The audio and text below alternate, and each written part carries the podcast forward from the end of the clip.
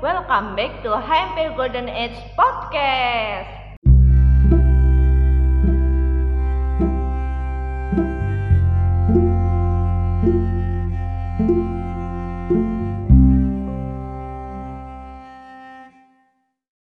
Di episode ke-10 ini, HMP Golden Age menghadirkan tema tentang toxic parent. Nah, pada kesempatan kali ini, aku Restu Puja dan bintang tamu pada episode kali ini yaitu Kak Vina.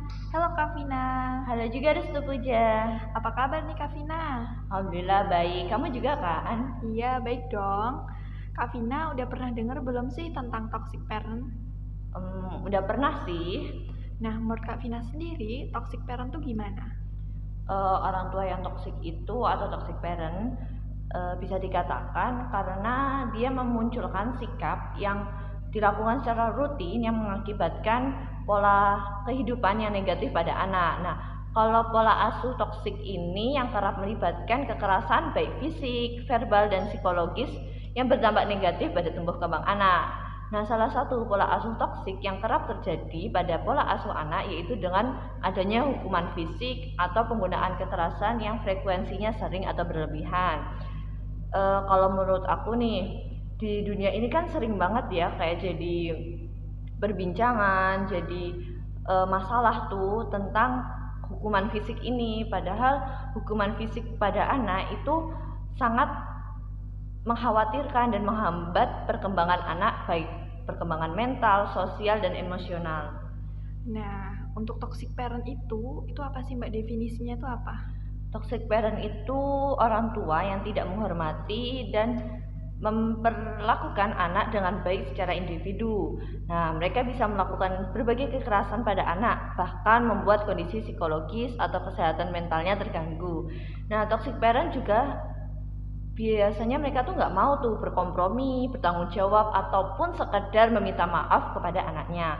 Sikap orang tua yang toksik ini bisa memunculkan suatu pola rutin yang yang bisa mengakibatkan pola negatif pada kehidupan anak. Nah, orang tua yang toksik itu tipe-tipenya ada apa aja nih, Mbak?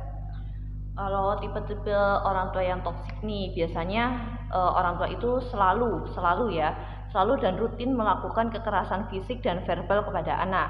Terus juga ada yang orang tua tuh terlalu mengatur dan mengontrol anak sehingga anak tuh tidak leluasa untuk berekspresi kayak kamu jam segini ke sini, kamu uh, habis ini kayak gini ya, kamu harus les, kamu habis les piano, nanti kamu les musik, habis les musik kamu les matematika. Terus juga ada orang tua yang lalai. Wah, ini sering banget gak sih orang tua yang lalai itu kayak anaknya dibiarkan main dan orang tuanya lebih memilih bermain HP atau lebih memilih eh, ngobrol-ngobrol uh, sama temennya. Terus juga ada orang tua yang invasif dan yang terakhir itu orang tua yang membebankan ekspektasi yang tidak realistis pada si anak. Nah, contohnya gimana tuh, Mbak? Kalau orang tua yang membebankan ekspektasi yang tidak realistis tuh kayak contohnya gampangnya gini deh. Uh, si anak jago tuh di bidang melukis, di bidang mewarnai, di bidang seni lah tapi orang tua pinginnya anaknya tuh masuk kedokteran tuh makanya harus harus bisa matematika harus bisa fisika. Padahal kan anak memiliki kelebihannya masing-masing memiliki minat bakatnya masing-masing. Sebagai orang tua kan harusnya mendukung tuh bukannya malah membebankan ekspektasi yang tidak realistis pada si anak. Nah, lalu menurut Kak Vina sendiri, hukuman fisik itu termasuk toxic parents nggak sih? Hukuman fisik ini merupakan toxic parents sih, karena hukuman fisik kan merupakan suatu tindakan yang bersifat menyakiti fisik ya ataupun e, mau dia itu pakai alat atau enggak. Nah banyak yang orang tua yang beranggapan kalau hukuman fisik ini ya nggak apa-apa kan biar si anak tuh jerah. Ya tapi kan nama juga anak-anak ya. E, kalau misalnya bisa dikasih tahu yang baik-baik, kenapa harus dengan hukuman fisik? Pemberian hukuman fisik ini termasuk dalam lingkaran toxic parent nih, karena sangat berdampak negatif pada anak. Lalu dampak hukuman fisik pada anak untuk anak sendiri tuh dampaknya apa Mbak? Kalau hukuman fisik pada anak ini uh, emang nggak selalu pada saat itu ya, mesti dampaknya jangka panjang sih. Tapi uh, penggunaan hukuman fisik dapat meningkatkan ambang batas toleransi kekerasan dan kekerasan menjadi normal. Ya kan orang tua melakukan terus menerus tuh, misalnya anak melakukan kesalahan langsung kasih hukuman fisik, dikit-dikit hukuman fisik. Jadi anak e, merasa nggak bebas dong. Dan tentang efek jangka panjang dari hukuman fisik ini sangat negatif ya terhadap berbagai hasil perkembangan anak. Misalnya sosial emosional otomatis anak akan merasa e, emosionalnya terganggu sosialnya terganggu perkembangan kognitif bahkan perkembangan intelektual pada anak. Nah, menurut Mbak Vina sendiri, dampak hukuman fisik pada sosial emosional anak tuh gimana, Mbak? Kalau untuk sosial emosional, ya seringlah kita temuin tuh anak-anak yang e, memiliki toxic parent, biasanya anaknya lebih agresif nggak sih, lebih sering marah-marah atau murung, e, cemberut kayak gitu. Dan biasanya anak-anak yang e, memiliki orang tua yang toxic parent, mereka sering melakukan hal yang sama seperti yang orang tua lakukan pada si anak itu misalnya kayak kejahatan dan kenakalan. Nah, dengan kenakalan dan kejahatan ini biasanya sangat mengganggu perilakunya di sekolah. Biasanya mereka lebih e, mau melakukan yang hal yang sama seperti yang orang tua lakukan pada mereka untuk mereka tiru kepada teman-teman sebayanya. Hal itu bisa membuat e, teman-teman sebayanya menjauh dan nggak maulah berteman sama si anak. Nah, dari adanya hukuman fisik ini, masalah yang terjadi untuk anak sendiri tuh apa ya, Mbak? Kalau untuk masalah yang pertama jelas cedera ya. Kan kalau misalnya hukuman fisik misalnya orang tua pakai alat atau orang tua nggak pakai alat tuh misalnya memukul memukul bahu memukul tangan memukul apa pun itu kan otomatis bisa menimbulkan cedera. Terus anak juga timbul kecemasan jadi kayak takut mau melakukan apa-apa tidak berani terus kayak selalu was-was gitu Terus yang pasti sih memperburuk hubungan antara orang tua sama si anak. Jadi kan nggak deket ya. Padahal kan anak sama orang tua kan harusnya deket, harusnya bisa ya jadi teman lah, ada hubungan yang baik. Dan yang paling parah itu yaitu adanya depresi. Kasian ya si anak-anak yang depresi karena adanya toxic parent ini kayak nggak banget harusnya.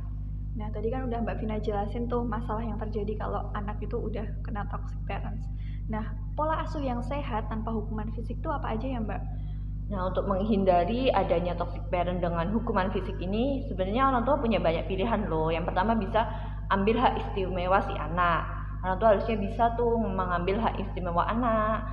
Terus yang kedua ada e, kalau mau memberikan konsekuensi yang logis, yang e, yang alami aja. Jadi kayak nggak usah nggak usah kekerasan fisik. Kita bisa pakai konsekuensi yang logis aja. Tidak yang tidak harus menggunakan kekerasan fisik. Terus ada juga time out. Ada juga pengabaian. Gampang banget kan daripada kekerasan fisik. Lebih baik di pengabaian aja. Kayak anak diabaikan beberapa waktu dulu untuk si anak merenungi tuh kesalahan apa dia kenapa. Terus yang terakhir yaitu e, selalu hargai dan puji perilaku baik pada anak. Jadi anak merasa disayangi merasa dihormati merasa memiliki uh, support system yang baik. Nah, dari yang udah kita bicarain tadi ya Mbak, mungkin bisa kita simpulin bahwa hukuman fisik ini emang nggak baik banget buat anak ya. Soalnya kan juga banyak pakar yang udah menentang adanya hukuman fisik pada anak. Terus uh, jangka panjangnya juga dapat menimbulkan dampak-dampak yang nggak baik. Terus tadi juga udah dijelasin sama Kak Vina ya teman-teman bahwa uh, ada cara agar tidak uh, terjadi toksik yaitu dengan kayak time out, pengabaian, mengambil hak istimewa, memberikan konsekuensi yang logis dan alami. Kemudian jangan lupa menghargai perilaku baiknya. Nah, dengan begitu orang tua akan terhindar dari julukan toxic parents. Nah, oke okay ya teman-teman. Uh, terima kasih banget nih buat Kak Vina yang udah sharing di episode kali ini. Semoga teman-teman bisa mengambil manfaat dari pembahasan kali ini ya. See you on the next video. Bye. Bye.